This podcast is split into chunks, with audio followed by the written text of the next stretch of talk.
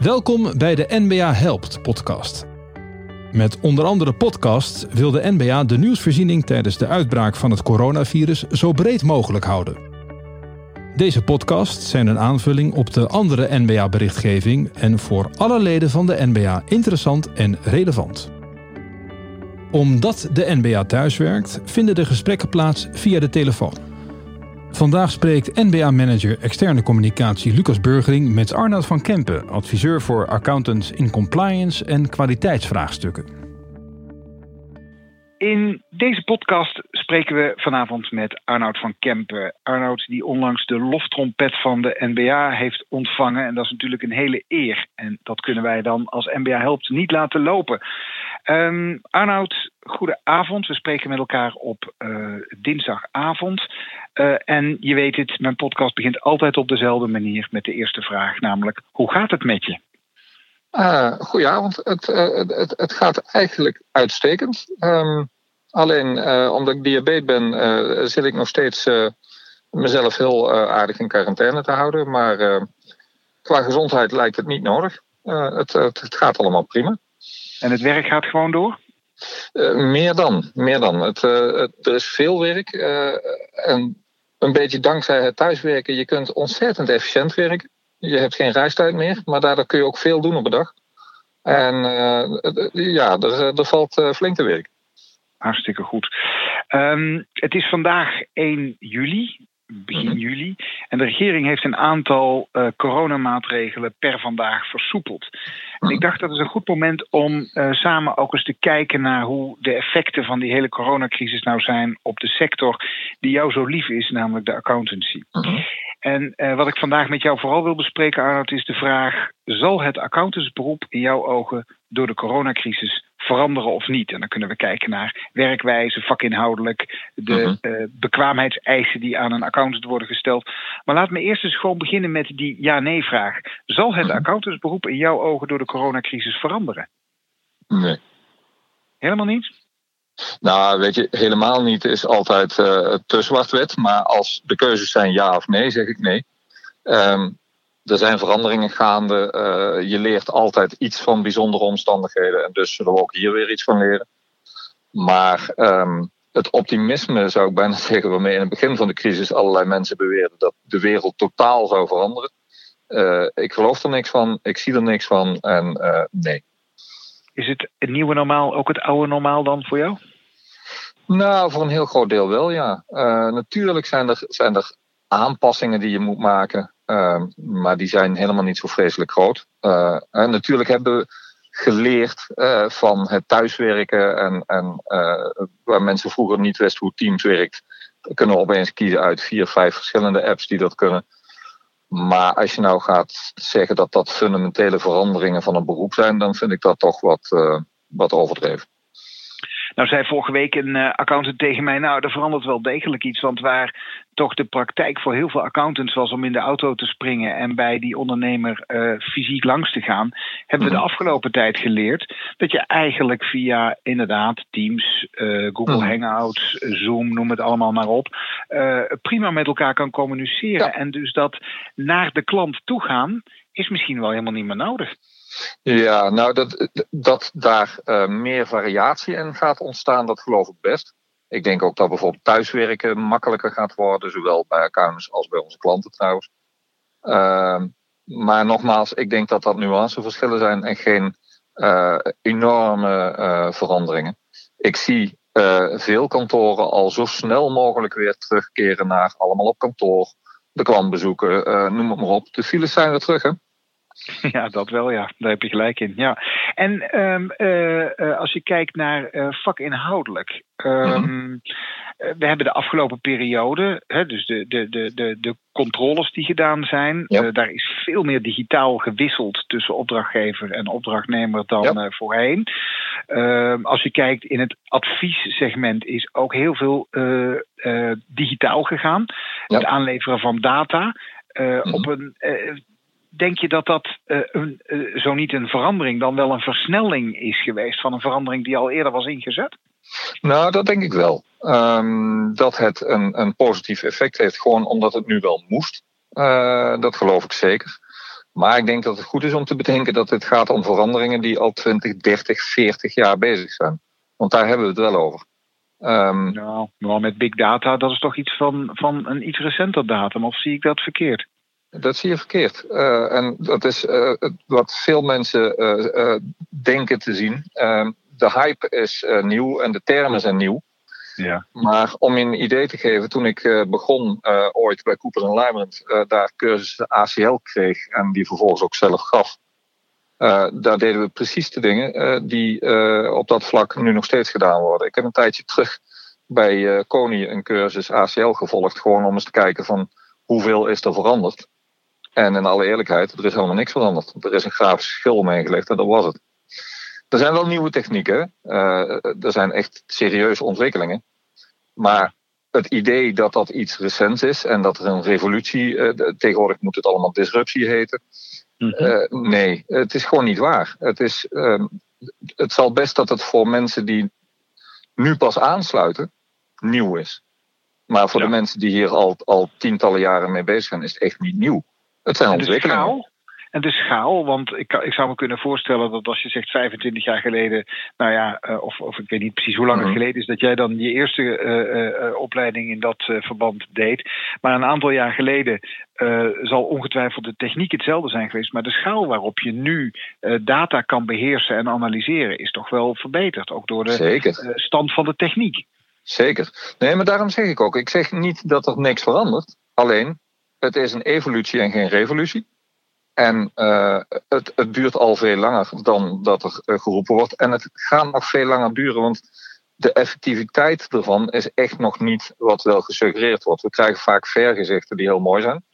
Uh, en die zijn ook echt mooi. En ik heb daar ook echt serieuze verwachtingen van. Maar het gaat allemaal veel minder hard dan er vaak gesuggereerd wordt. Veel minder hard. Maar je hebt helemaal gelijk dat de schaal is, is gigantisch. Als je bedenkt dat um, de eerste computer die ik kocht, waarmee ik als puber op mijn uh, uh, kamer aan het spelen was, dat was een cassette recorder als dataopslag. En tegenwoordig heb ik een, een, een telefoon aan mijn hoofd, uh, waarbij ik al gewoon een terabyte opslaggeheugen bij me draag. Ja, ja, Dat, is, dat is fenomenaal, de, de, hoe dat veranderd is. Ja, dat heeft invloed. Niet alleen de opslag, maar ook de, het vermogen om te analyseren. Precies. Uh, verbeterd. En dat is iets wat accountants natuurlijk uh, ja, goed kunnen gebruiken. He, dus de, de, de, analyse van grote hoeveelheden data. Zeker, zeker. Maar wat je dan wel moet bedenken is dat um, de, het vermogen om heel veel data te verwerken is nog iets anders dan slimme analyses kunnen bouwen. Als ik een vergelijking mag maken. Um, schaken was vroeger een creatief spel en is tegenwoordig een oplosbaar wiskundig probleem geworden. Maar de manier waarop de computer de mens verslagen heeft, is in eerste instantie gewoon ongelooflijk bruut rekenwerk en, en geen intelligente analyse. Ja, hoe heet die en, computer? Was dat Deep Blue, geloof ik, hè? Die ja. Kasparov versloeg. Dat was, uh, ja, dat herinner ik me nog, ja. En, en die, dat was geen valspelen, hoewel Kasparov het bijna valspelen vond. Maar wat die computer deed, was gewoon alle mogelijkheden uitrekenen die er maar zijn. Dat is geen analyse. Dat is, dat is wel knap en dat is, dat is nuttig te maken. Maar het is minder revolutionair dan dat het lijkt als je het van buiten beschouwt. Als je niet begrijpt wat er gebeurt, ziet het er heel spectaculair uit. Maar als je begrijpt wat er gebeurt, dan, dan zijn we qua analyse technieken uh, echt nog niet zo ver dat je als accountant kunt zeggen van we zijn hier met revolutionaire nieuwe dingen bezig. Eh, tenzij je zou zeggen dat dit met zich mee heeft gebracht dat er van accountants misschien uh, steeds meer andere bekwaamheden worden verwacht uh, ja. in de omgang met die big data en met die analyses. Want ik denk dat je oh, gelijk hebt, een computer kan niet heel veel meer dan alleen maar uh, rekenen en daar een conclusie over trekken en bijvoorbeeld een mm -hmm. professional judgment, zoals we dat vaak noemen, ja. geven. Dat blijft natuurlijk altijd accountantswerk. Ja, maar nou, analyses lezen nou, ook een. Maar dan moet ik je toch, ja, maar dan moet ik je toch corrigeren. Dat is niet helemaal waar. Accountants zijn nog niet zover dat ze hun computer zo kunnen inzetten dat hij die analyse kan doen. Heel veel andere beroepsgroepen zijn dat wel. Uh, machine learning is iets wat wel degelijk gaande is in allerlei sectoren. En dat in heel veel sectoren al veel verder gaat dan wat accountants kunnen. Ja. Accountants zelf hebben er nogal moeite mee om de slag te maken. Maar dat wil niet zeggen dat techniek als zodanig het probleem is. Technisch is er best hoop mogelijk. Oké, dus, dus je zegt uh, waar misschien een accountant uh, uh, um, wel goed een Excel-sheet kan lezen, is hij misschien nog niet zover dat hij een data-analyse die uit een computer rolt goed kan beheersen. Nee, nou een vergelijking die ik eigenlijk al. en dan kom je toch weer over de termijnen waar we het over hebben. Toen ik het vak inging, kwam ik uit een IT-achtergrond. En ik kreeg van accountants altijd te horen: om een goede accountant te zijn, moet je leren denken in journaalposten. Ja. En mijn antwoord is altijd geweest, al, al 30 jaar lang inmiddels, uh, leren jullie nou eerst maar denken in SQL-statements. Uh, dan ga ik daarna leren denken in journaalposten. Ja, maar zo te horen heb je die wedstrijd nog niet gewonnen. Nee, wedstrijd heb je nog niet gewonnen, nee. Nee, nee, Dat is, en, en dat is een beetje het punt wat ik bedoel. Het, het is niet zozeer dat techniek er niet is, maar het aantal mensen dat zich erin verdiept, het aantal mensen dat ook begrijpt welke andere disciplines er nodig zijn, uh, om erbij te halen, is gewoon niet zo groot. Accountants proberen het heel vaak vanuit hun eigen paradigma's, hun eigen context, hun eigen modellen uh, over te zetten naar automatisering. En daarmee bereik je prachtige dingen, maar je bereikt geen revoluties. Nee, want je doet meer van hetzelfde, maar dan op grotere schaal en door een computer Precies. sneller. Precies. Dus, en er gebeuren echt, echt, echt hele knappe dingen. Want ik wil niet doen alsof er geen mooie dingen gebeuren. Er gebeuren prachtige dingen. Maar revoluties waarvan ik tranen van ontroering in mijn ogen ga krijgen, die zijn er echt nog niet. Nee. En in welke mate, um, want da, da, zo, zo, begon ik aan uh, deze vraag. In welke mate heeft nou die hele coronacrisis hier een boost aangegeven? Of, of, of zie je dat ook nog niet? Nou ja, je ziet dat het simpele feit dat mensen gedwongen zijn om uh, dingen digitaal te doen, dat helpt. Um, het gaat om een beweging die al gaande was. Hè. Het elektronisch dossier bijvoorbeeld. Uh, kennen we nu al een jaar of twintig. Uh, en heeft, ja, het heeft zich ook, uh, bewijst zich in een crisis als deze enorm. dus kantoren die daar nog weinig gebruik van maakten, zullen ontdekt hebben dat dat echt iets bijdraagt. Um, maar het zijn allemaal, het, het, het is een boost, ja, dat geloof ik onmiddellijk, maar voor bewegingen die al lang aan de gang zijn en die waardevol zijn. Ja, begrijp ik. En hoe zit het met de soft skills? He, want we hebben het dan over technische vaardigheden. Maar ja. moet, moet je die als, uh, als je een effectieve accountant wil zijn, ook niet combineren met een aantal andere vaardigheden? Zeker. Zeker. En eerlijk gezegd is daar de coronacrisis nou juist niet erg behulpzaam bij. Dat wou um, ik naartoe, precies. ik, uh, ik las op LinkedIn een tijdje terug een, een, een, een verslag over hoe uh, mensen reageren op elkaar in een vergadering. en wat blijkt dat mensen sneller reageren op het einde van een zin van een andere spreker dan dat menselijkerwijs mogelijk is als reactiesnelheid. En dat betekent dat je dus op non-verbale signalen al doorhebt dat iemand het einde van zijn zin nadert. En dat zie je niet bij online vergaderingen. Kortom, we, we zijn een hele hoop subtiele communicatievormen, non-verbaal, zijn we gewoon kwijt met dat online vergaderen. Daarom is het ook zo vermoeiend. Nou, dat, uh, daar kan ik me alles bij voorstellen. Ik doe de hele dag niks anders. En uh, ik ben inderdaad aan het einde van de dag vaak behoorlijk uh, afgeknapt. Precies. Precies. Ja. En dat komt echt niet omdat je de pauzes bij de koffieautomaat nou zo mist. Maar omdat de communicatie zelf ja, ondaan is van hele essentiële onderdelen die we niet gewend zijn om te herkennen. Zeker als accountants niet. Ik denk dat, dat, dat mensen die ervoor gestudeerd hebben, die weten dat heus wel.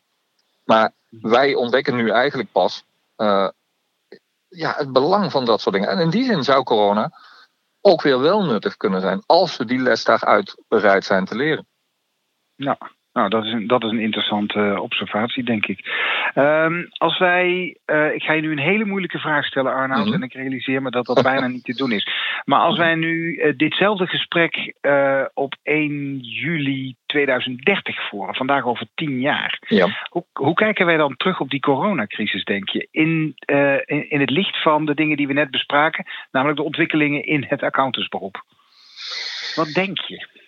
Ik, ik denk uh, eerlijk gezegd dat uh, de coronacrisis over tien jaar een uh, voetnoot in de geschiedenis is en, en niet zo vreselijk belangrijk gevonden gaat worden.